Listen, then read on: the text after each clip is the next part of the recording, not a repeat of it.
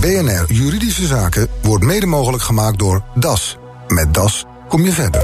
BNR Nieuwsradio. Juridische Zaken. Edwin Mooibroek. Flex, minder flex en vast, minder vast. Nee, het wordt uh, geen geschiedenisles over invoering van het nieuwe ontslagrecht drie jaar geleden. Bij het nieuwe wetsvoorstel Arbeidsmarkt in Balans is de leus opnieuw flex, minder flex en vast, minder vast. En we zijn vandaag bij de FD-gezellen in Apeldoorn. En onder de snel groeiende bedrijven zijn er ook uh, twee belangrijke spelers in die flexbranche. Bij eerst collega Nelke van der Heijden. Ja, Nelke, wat betekent deze wet voor payrolling? Nou, er staat van alles in dat indirect invloed kan hebben, zoals verandering aan het ontslag. En het wordt weer wat makkelijker, met het idee aantrekkelijker om mensen in vaste dienst te nemen. Maar specifiek voor arbeidskrachten die met zo'n payrollconstructie werken, geldt nu dat ze hetzelfde betaald moeten krijgen als vaste medewerkers. En ze krijgen pensioen. Ja, ze krijgen ook recht op pensioen. En nog een punt, en daarmee wil minister Koolmees op, oproepkrachten in bescherming nemen. Ze moeten minimaal vier dagen van tevoren horen of ze moeten, kunnen, mogen komen werken. De vraag is of iedereen daarmee geholpen is. Denk bijvoorbeeld aan strandtenten, die zijn afhankelijk van het weer. Maar goed, het voorstel regelt dat als de opdrachtkracht binnen die vier dagen wordt afgezegd... dat hij toch eh, betaald moet krijgen. Nou, en misschien juist vanwege strandtent of andere werkgevers, opdrachtgevers die van het weer afhankelijk zijn, mag je in die cao's wel afspreken dat het ook één dag wordt. Oké, okay, Nelleke, dankjewel. Ga verder praten met uh, onze gasten. Tjebbe van uh, Oosterbrugge, algemeen directeur van Brainet, en Maatje Dame, directeur van Dag 1. Welkom allebei. Dankjewel. Ja, allereerst even duidelijk uh, wat krijgen wat jullie precies doen. Jullie zijn allebei spelers in de flexmarkt, maar met een andere insteek. Tjebbe van Oosterbrugge, ja, Brainet is een inhuurspecialist. Wat is dat? ja, correct. Wij zijn een MSP en wij helpen onze klanten met het inhuren van personeel. Wij doen namens onze klanten zaken met nou, een stuk of 2000 uh, uitzendbureaus, payrollbedrijven, detacheringsbureaus. Bedrijven die flexkrachten leveren aan onze klanten. En hoe helpen jullie bedrijven bij het inhuren van personeel? Nou, wij helpen ze met uh, het screenen van mensen. Uh, we helpen met het afstemmen van uh, voorwaarden, tarieven. en we helpen ze met de hele financiële afwikkeling en de risicoafdekking aan het einde van de opdracht. Ja, eigenlijk zijn jullie de personeelzaken van de externe medewerkers. Ja, prachtige definitie zo. Ja, exact. Ja, maar geen payrollbedrijf? Nee, nee, we zijn geen payrollbedrijf. Nee. nee, wat is het verschil dan? Nou, een payrollbedrijf heeft uh, mensen in dienst voor de opdrachtgever. En uh, Brainet heeft geen mensen in dienst die wij uh, detacheren. Nee. Maak je dame van dag 1, u vindt de mensen die Brainet dan weer aan opdrachtgevers zouden kunnen koppelen. Jullie zijn een uitzendbureau, maar dan anders, hè? Ja, wij zien onszelf eigenlijk als recruitmentbureau. Dus of iemand nou op uitzendbasis gaat werken, of op ZZP-basis, of in vaste dienst gaat. Dat maakt ons eigenlijk niet uit. Dat is 50% van onze business is flex. En 50% van onze business zijn mensen die dankzij ons in dienst gaan bij een organisatie. Ja, maar hoe anders zijn jullie dan een gewoon uitzendbureau? Een uitzendbureau regulier heeft voor 90%, 99% uitzenden. Dus die zijn gespecialiseerd in flex. Wij zijn gespecialiseerd in recruitment. Ja, en allebei eh, zijn jullie flink gegroeid eh, in 2017. Allebei eh, gezellen. Um, staan jullie volgend jaar weer? Zeker. Ja? Uh, ja, zeker. Want het gaat heel goed? Uh, zeker, het gaat goed. De, de flexbranche gaat sowieso uh, goed. En uh, ja, gaat met ons ook goed. Ja, en met, met dag 1 ook? Met dag 1 gaat het ook heel goed. Je merkt wel dat de arbeidsmarkt enorm veranderlijk is. In 2012, toen we startten, was er een enorm gebrek aan vacatures... en een enorme overvloed aan kandidaten. En in deze markt is dat totaal andersom. Ja, want de arbeidsmarkt, hoe, hoe zou jullie nu willen omschrijven? Hoe ziet de arbeidsmarkt er nu uit? De economie gaat goed. Is het allemaal florissant? Nou, ik denk dat voor met name arbeidskrachten het op dit moment een fantastische tijd is. Je hebt gewoon echt heel veel te kiezen. Um, en uh, werkloosheid is uh, all-time low. Um, uh, en ja, je kan tegenwoordig ook als, als vakbond en ook als medewerker zelf gewoon weer onderhandelen over voorwaarden. Ja, en dat maakt het voor jullie ook ja, moeilijker eigenlijk natuurlijk. Nou ja, uh, uiteindelijk uh, betekent... Uh, meer betalen. meer betalen, maar betekent ook inderdaad dat wij ook onze rol kunnen spelen... door klanten ook te adviseren of dingen redelijk of juist niet redelijk zijn... of ze wel of niet kunnen conform met de regelgeving. Ja, en, en tegen tekort aan personeel, daar lopen jullie niet tegenaan? Uh, nou ja, tekort aan personeel. Uh, ik denk uiteindelijk als je bereid bent om te betalen... dat je altijd wel mensen kan vinden. Ja. En je ziet dus uh, wat dat betreft dat er een nieuw evenwicht in de markt ontstaat. juist daar waar het schaars is. Ja, daar kunnen op dit moment arbeidskrachten hele goede voorwaarden bedingen. Ja, wat zijn wat jullie betreft de problemen nu op de arbeidsmarkt? Of zijn die er nu niet? Nou, er zijn problemen vooral voor bedrijven die harder willen groeien dan dat mogelijk is, omdat ze niet meer de juiste mensen kunnen vinden. Mhm. En dat is voor heel veel bedrijven nu wel een probleem.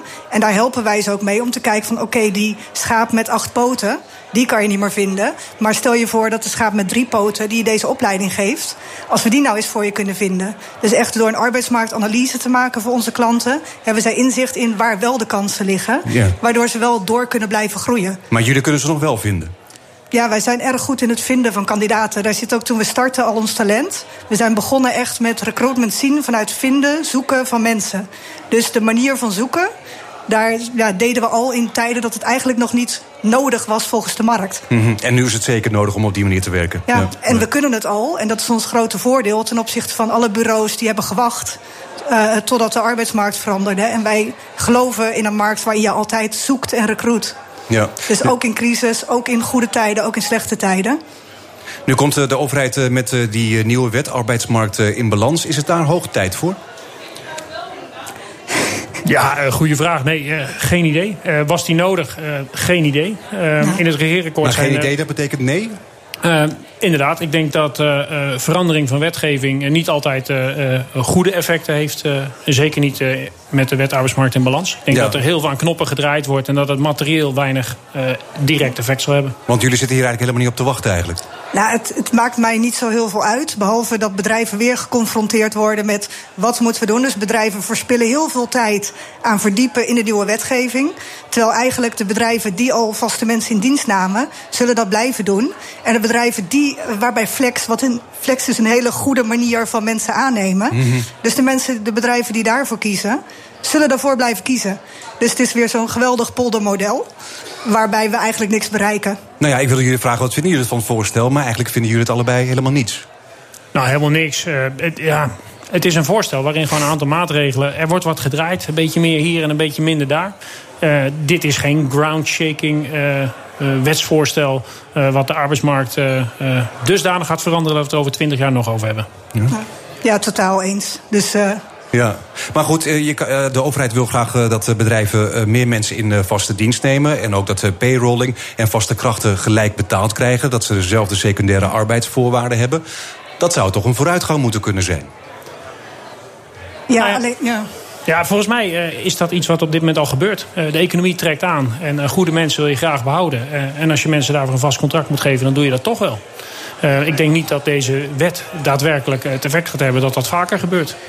En ik denk dat daarin Flex al lang heel ver vooruit was. Want ik denk dat er echt nog maar weinig bedrijven waren, flexbedrijven, die toelieten dat payrollers minder betaald kregen. Mhm. Dus wij, wij doen ook een stuk payrolling als onze klanten omvraagt. Ja. Maar dat doen we eigenlijk uitzenden met een korting op de recruitment fee. Dus, maar dus, dus je hebt bedrijven. eh, eh, de mensen die ze aannamen, die hadden al dezelfde arbeidsvoorwaarden. En volgens mij alle grote spelers in de flexmarkt paste dat al lang toe. Dat payrollers al betaald kregen zoals mensen in vaste dienst. Ja, correct. Nee, er is volgens mij eh, heel duidelijk in de Nederlandse wetgeving een inlenersbeloning verankerd. Eh, en als je die volgt, eh, daar dan, dan denk ik dat je een heel eerlijk en goed eh, eh, set arbeidsvoorwaarden neerlegt. Ja, en wat er nu met dat payrolling eh, gaat gebeuren, ehm, ja, daar wordt zelfs identieke arbeidsvoorwaarden eh, afgedwongen. Dat, dat wordt echt heel erg interessant in de uitvoering, want dat is echt heel erg moeilijk voor de Waarom is, dat, waarom is dat moeilijk? nou ja, er zijn een aantal zaken in arbeidsvoorwaarden die dingen gewoon heel erg complex maken. Neem bijvoorbeeld een pensioenregeling. Een bedrijfsstrak pensioenfonds gaat nog wel oké. maar als een bedrijf een individuele regeling heeft, is het heel moeilijk om dat te kopiëren. Ehm, nou ja, de Eh, het is moeilijk om de payrollen in het pensioenfonds te krijgen. Of een eigen pensioen te regelen. Nee, het is heel moeilijk om iemand van buiten bedrijf in een eh, bedrijfsregeling van een bedrijf zelf te krijgen. Mhm. Ik bedoel, uiteindelijk bedrijfstak pensioenfondsen, eh, ABP, eh, PGGM, z- eh, Fonds Zorg en Welzijn, dat zijn de, de fondsen voor een hele tak. Maar er zijn ook heel veel bedrijven met gewoon een eigen regeling bij een verzekeraar. Nou ja, daar kan je niet zomaar een extern bedrijf laten meeliften. Ja. De, de wetgever geeft aan nu in dat, in dat wetsvoorstel dat daar ehm, eh, dan een adequaat pensioen voor moet komen te staan. Ja, en dat adequaat, dat is nog niet uitgewerkt. De hele wet is al in conceptmaatregelen van bestuur eh, uitgewerkt. Er staat op de site de internetconsultatie. Maar op het gebied van pensioen, die is er nog niet. Nee. En ik denk dat dat echt typisch voorbeeld is van een arbeidsvoorwaarde die echt heel ingewikkeld is om te kopiëren. Ja, maar je krijgt payrollers dus niet maar, niet maar zomaar in een pensioenfonds. Nee, dat ziet u ook niet. Oké, ehm, betekent dat deze wet ook dat het moeilijker wordt voor uh, payrollbedrijven en uitzendbureaus? Want de WW-premies gaan omhoog voor, voor flexkrachten in vergelijking met mensen op een vast dienstverband. Dat wordt het ook moeilijker om, voor een uitzendbureau die vind ik echt zo bijzonder. Want er is een onderzoek geweest begin van het jaar dat er meer dan 34% uitstroom uit de WW is, dankzij de uitzendbureaus. Uh, dus mede dankzij dag 1 en alle flex die er te vinden is. En er gaat er maar 23% in. Dus de uitzendbureaus halen meer mensen uit de WW mm dan dat erin gaan. En krijgen een tax daarover om de bonden, denk ik, maar blij te houden. Maar dat moet het werk van de uitzendbureaus toch wel moeilijker maken. Want uh, ja, bedrijven zijn meer WW-premies kwijt dan mensen die ze via een uitzendbureau inhuren. Ja, en tegelijkertijd, die effecten zijn echt heel beperkt. Hè? Ik bedoel, uiteindelijk gaat het over uh, slechts 5 procentpunten. Dat ook dat is niet ground shaking. Ja, maar uiteindelijk zou, dus, kunnen bedrijven misschien ook eerder kiezen om iemand in vaste dienst te nemen dan ook, ik, toch? Ik ben het met Chebbe eens dat uiteindelijk de mensen die echt, de bedrijven die kiezen voor flex, zullen dat blijven doen. En de mensen die kiezen ook al zijn ze meer WW-premie kwijt. Ook al zijn ze iets meer kwijt. Maar ik vind er zelf wel wat van. Dat je een soort van. Uh, je zou eigenlijk een bonus moeten krijgen als flexbureau. voor alle WW'ers die je aan een baan helpt. Ja, maar jullie zijn niet bang als uh, Brenet als dag één dat het voor jullie minder werk betekent? Nee, want wij zijn een recruitmentbureau. Dus het maakt mij niet uit of iemand op uitzendbasis. ZZP'er, werving en selectie, RPO. De, de, de manier van in dienst nemen is irrelevant. Het gaat om recruitment. Ja, wij werken als we. Zometeen, wat zijn de flexkrenten in de pop van het nieuwe wetsvoorstel in juridische zaak? BNR Nieuwsradio. BNR Juridische Zaken. Veel van de wijzigingen die de wet Werk en Zekerheid in 2015 met zich meebracht, worden in het nieuwe voorstel uh, teruggedraaid. Wat vinden mijn gasten daarvan? Maatje Dame, directeur van Dag 1, en Tjebbe van Oosterbrugge, algemeen directeur van uh, Brenet. Ja, na drie tijdelijke contracten, een uh, vast contract werd in 2015 twee jaar en nu wordt het weer drie jaar. Is dat toe te juichen? Uh, nou ja, het had al weinig effect op de arbeidsmarkt een paar jaar geleden. Dat zal het nu weer hebben. Is het toe te juichen? Ja, ik vind het prima. U vindt het prima. En Maatje Dame? Leuk compromis, zo heeft de heer Koolmees ook wat kunnen toevoegen. Maar wat, wat, wat was de ervaring met twee jaar? Nou ja, ik denk dat sommige mensen na twee jaar denken... och, ik wil die persoon houden, die geef ik een vast contract. In plaats van dat ze dat na drie jaar doen. Uh, dus dat is dan goed. En ik denk ook dat sommige bedrijven denken... ja, deze persoon wil ik niet op vast contract. En uh, ja, dan stop ik na twee jaar. Um, en dat is dus een jaar eerder dan wat daarvoor gebeurde. Ja, maar jullie zijn er niet voor onder de indruk hiervan ook? Nee, sorry. Maar waar, waarom niet dan? Ik bedoel, je zou ook zeggen dat uh, na, na drie jaar... Uh, uh, nu werden mensen na twee jaar werden ze misschien niet meer ingehuurd. Nu mag je iemand langer, een jaar langer inhuren. En misschien komen zo mensen ook uiteindelijk weer op een vast contract terecht. Ja, gelukkig mag inhuren nog langer dan dat. Dus we mogen nog langer doorgaan met mensen via de uitzend-CAO verlonen. maar voor de, dit geldt echt voor de contracten bij de bedrijven zelf. Dus de mensen die in dienst gaan bij de bedrijven zelf voor een jaarcontract en nog een jaarcontract, ja. dat kan een jaar langer. Mm -hmm. Alleen de meeste bedrijven die ik ken, die namen mensen ook na twee jaar vaak al in vaste dienst. Ja, tot is weer teruggedraaid naar de situatie van uh, voor 2015. Maar voor de arbeidsmarkt verandert dit dus helemaal niks. Ja, het veranderde toen al niks. Dus waarom zou het nu wel wat veranderen? Ja. Ook moet het uh, ontslag uh, allemaal wat uh, eenvoudiger worden. Hè. Eerst moest je één belangrijke reden hebben. nu mag je meerdere oorzaken op een hoop gooien om iemand te ontslaan. Is dat een goede zaak? Ja, weet je, op het moment dat je iemand in dienst neemt, ben je wel met één ding vooral niet bezig. Als ondernemer maak je niet een beoordeling van hoe makkelijk kan ik iemand zo meteen ontslaan. Daar, daar gaat echt geen, geen, geen ondernemer over nadenken op het moment dat je het iemand nodig hebt voor je klus. Het was wel een klacht van uh, veel uh, werkgevers dat je heel moeilijk van mensen afkomt. Nee, de grootste klacht van werkgevers is op een gegeven moment dat als je in een situatie komt dat je van mensen af moet, het zij door uh, economische omstandigheden, het zij door dat mensen niet meer passen binnen het bedrijf, het zij, het zij. Uh, dat dat heel veel geld kost. En dat het zo ingewikkeld en lang duurt. Mm -hmm. ja, en met zo'n uh, nieuwe ontslaggrond moet je nog steeds een fantastisch dossier hebben. Maar nou, toch wordt het makkelijker, want je hoeft niet meer één reden aan te wijzen. Je kan ook een aantal redenen kan je nemen. Ja, maar die moet je wel goed gedocumenteerd hebben. En daar zit denk ik gewoon wel de belangrijkste crux. Uh, heel veel kleine bedrijven hebben niet een afdeling personeelszaken die dat soort dingen allemaal goed bijhoudt. De meeste ondernemers zijn helemaal niet bezig met oei, ik moet wel een goed dossier hebben voor een ontslag in de toekomst. Ja, Maatje? Nou, ik denk, ik denk dat het wel positief is. Dat het wel meer mogelijk is om ook afscheid te nemen van mensen. Want we zijn allemaal bezig met vaste contracten. Alleen wie werkt er nog 40, 50 jaar lang bij een bedrijf? Mm -hmm. Als je dat nu aan een twintiger vraagt, dan zegt hij... nou, nou, als het aan mij ligt, zeker niet. Dus het is ook heel goed om soms met elkaar te werken... en op andere momenten afscheid te nemen. En als dat makkelijker gemaakt wordt en daardoor minder juridische kosten... wat eigenlijk gewoon verspilling is, dan is dat alleen maar goed. Maar u vindt dat het makkelijker wordt op deze manier? Uh, ik denk dat het wel makkelijker wordt, absoluut. Wordt het ook duurder? Nou, of het duurder wordt. Uh, uiteindelijk, wat ik misschien wel het beste vind op het gebied van het, geldaspect bij ontslag, is dat die transitievergoeding nu ook helemaal gladgestreken wordt. En voor iedereen, voor elk jaar dat je werkt, uh, hetzelfde wordt. En ik denk dat dat gewoon uh, de discriminatie uh, van mensen met lange dienstverbanden en oudere werknemers ja, gewoon teniet doet. Ik denk dat het een goede zaak is. Maar je hebt nu wel vanaf dag één recht op je transitievergoeding ook. Ja, dat klopt. Mooi hè, vanaf dag één. Ja, maar daar, daar zijn jullie blij mee? Dat, ik denk dat het heel positief is voor medewerkers om echt bewust bezig te zijn met: oké, als ik straks wat anders ga doen, hoe kan ik dan mezelf blijven ontwikkelen? En waarom zou je dat niet doen dan vanaf dag één? Ja. In plaats van na vijf jaar als je al niet meer zoveel zin hebt. Nee, juist bezig zijn met ontwikkeling vanaf de eerste dag. Maar toch, als ik jullie zo hoor, jullie zijn niet echt heel positief hè, over deze hele wet. Ja, ik heb wel wat positiefs hoor. Dus uh, als je kijkt naar de, de vijf maanden proeftijd. Dus dat je, als je iemand een vast contract aanbiedt, vijf maanden proeftijd mag hebben. Dat vind ik een hele mooie vooruitgang. En waarom is dat dan? Als ondernemer, op het moment dat ik iemand aanneem, heb ik vertrouwen. Heb ik heel veel vertrouwen. Mm -hmm. Maar is het wel fijn als je een aantal maanden met elkaar werkt. En één of twee maanden heb je toch kort. nog een bepaalde sociaal wenselijkheid. En uh, uh, nou, hebben veel mensen toch nog moeite om helemaal zichzelf te ontplooien. Pas na vijf maanden kan je echt zien of iemand goed functioneert of niet. Nou, dan, dan ben je wel langzaam, maar het maakt wel die langere termijn fijn. Dus hm. ik denk vanaf een maand of drie, vier... dat je echt wel tegen elkaar kan zeggen... ja, we gaan samen door. Of nee, nou, dit is het niet helemaal. Nee. En die vijf maanden geeft daarvoor ook echt ruimte... om mensen ook een kans te geven... die niet op dag één gelijk geweldig zijn. Want niemand is in de eerste week of in de maand volledig zichzelf. Ja. Zijn er nog andere positieve punten van deze wet?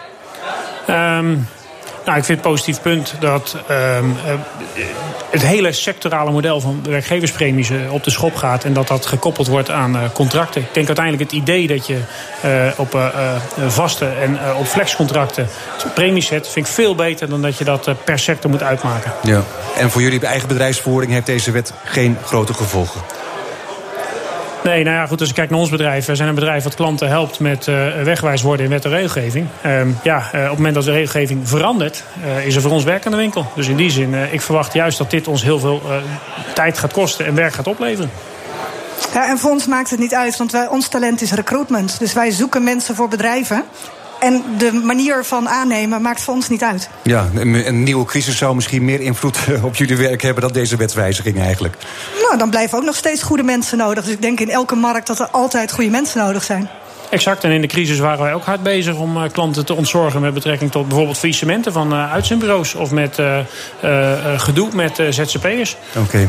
dank voor jullie komst. Tjebbe van Oosterbrugge van Brainet en Maatje Dame van Dag 1. BNR Nieuwsradio. Juridische Zaken. Edwin Mooibroek. Van de regen in de drup of in de badkamerlekkage. Luisteraar uh, Said die wil een lekkage in zijn badkamer laten verhelpen. En het verslag is van Nelke van der Heijden. Said, je had een lekkage in huis en je zocht natuurlijk naar een oplossing. Je hebt die ook gevonden? Ja, ik heb uh, de firma Gebo heb ik gevonden en uh, die was bereid om de lekkage die ik in mijn douche had, om die te komen verhelpen. Die zijn uiteindelijk bij mij thuis geweest en die hebben de werkzaamheden uitgevoerd. En tot mijn grote verbazing uh, hebben zij in plaats van de bestaande lekkage op te lossen, hebben zij nieuwe lekkage veroorzaakt. En weet je zeker dat zij dat inderdaad hebben veroorzaakt? Ja, dat weet ik 100% zeker. Want ik, ik heb alle werkzaamheden heb ik gevolgd. Dus ik stond echt erbovenop. En ik heb alles ook gezien. En ik heb ook gezien uh, hoe zij met heel veel frustraties en met hamer en schroevendraaier de zaken hebben proberen te, te herstellen. En dat is dus niet gelukt. En zij zelf zeggen dat ze niet die lekkage hebben veroorzaakt? Zij zeggen van dat uh, die lekkage die was er al, zeggen ze. Dus uh, ja, uiteindelijk, ik heb netjes gevraagd aan ze van... komen jullie werkzaamheden netjes afronden? Dus ik heb netjes een brief gestuurd. Ik heb ze de tijd gegeven om netjes uh, de, lekkage, de nieuwe lekkage te verhelpen. Alleen uh, begrijp ik dus dat ze dat absoluut niet willen. Ik heb ze drie keer de kans gegeven om de lekkage te herstellen. Uiteindelijk zijn we er dus niet met elkaar uit kunnen komen. Alleen het enige wat ik te horen heb gekregen is dus van... wij sturen alle gegevens sturen op naar de advocaat... en die gaat dan contact met u opnemen. En daar ik uiteindelijk een brief van ontvangen... die mij dus nu eigenlijk sommeert om een totaalbedrag te betalen... om deze acties uh, af te sluiten. En daar ben ik het absoluut niet mee eens. Dus wat ik eigenlijk wil vragen is van... wat zou ik hier tegen kunnen beginnen? Deborah van Santen van Blenheim Advocaten. Wat kan Said nou het beste doen? Hier sprake van aanneming van werk door een aannemer en een opdrachtgever. En een aannemer die moet de, deze klus gewoon afmaken.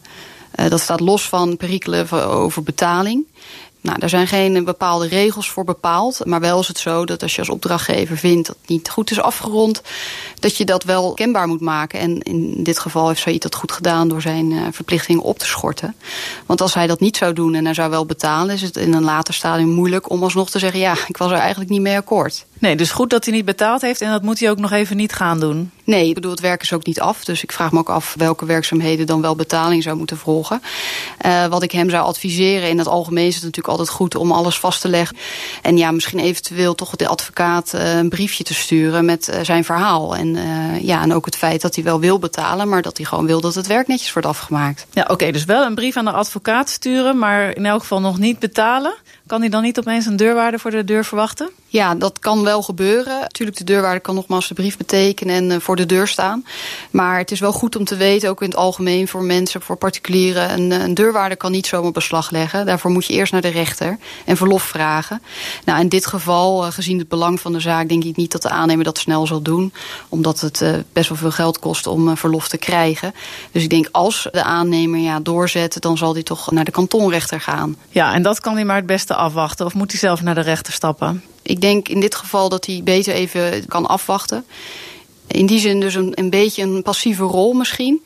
Maar ja, als hij zelf nu naar een rechter zou gaan... dan kost het hem ook griffierechten. En gezien het belang zou ik dat niet aanraden. En ja, stel de aannemer gaat toch uh, naar de rechter... dan kan hij alsnog uh, verweer voeren. En dan is het voordeel dat hij als gedaagde partij... geen griffierecht hoeft te betalen. En hij heeft daar ook geen advocaat voor nodig, zegt Deborah van Santen in een verslag van Nelke van Heijden. We hebben de firma Gebo om een reactie gevraagd en zij geven aan niet te snappen wat zij iets wil. Hij zou zelf om een rekening voor het wel uitgevoerde werk hebben gevraagd en wil zelf niet meer dat Gebo terugkomt om het werk af te maken. En ze hebben een advocaat ingeschakeld omdat zij iets niet betaalt. Heeft u ook een juridische vraag? Mail hem dan naar juridischezaken.bnr.nl. Dit was de uitzending voor vandaag. Je kunt de show terugluisteren via de site, de app, iTunes of Spotify. Mijn naam is Edwin Mooibroek. Tot de volgende BNR Juridische Zaken wordt mede mogelijk gemaakt door DAS. Met DAS kom je verder.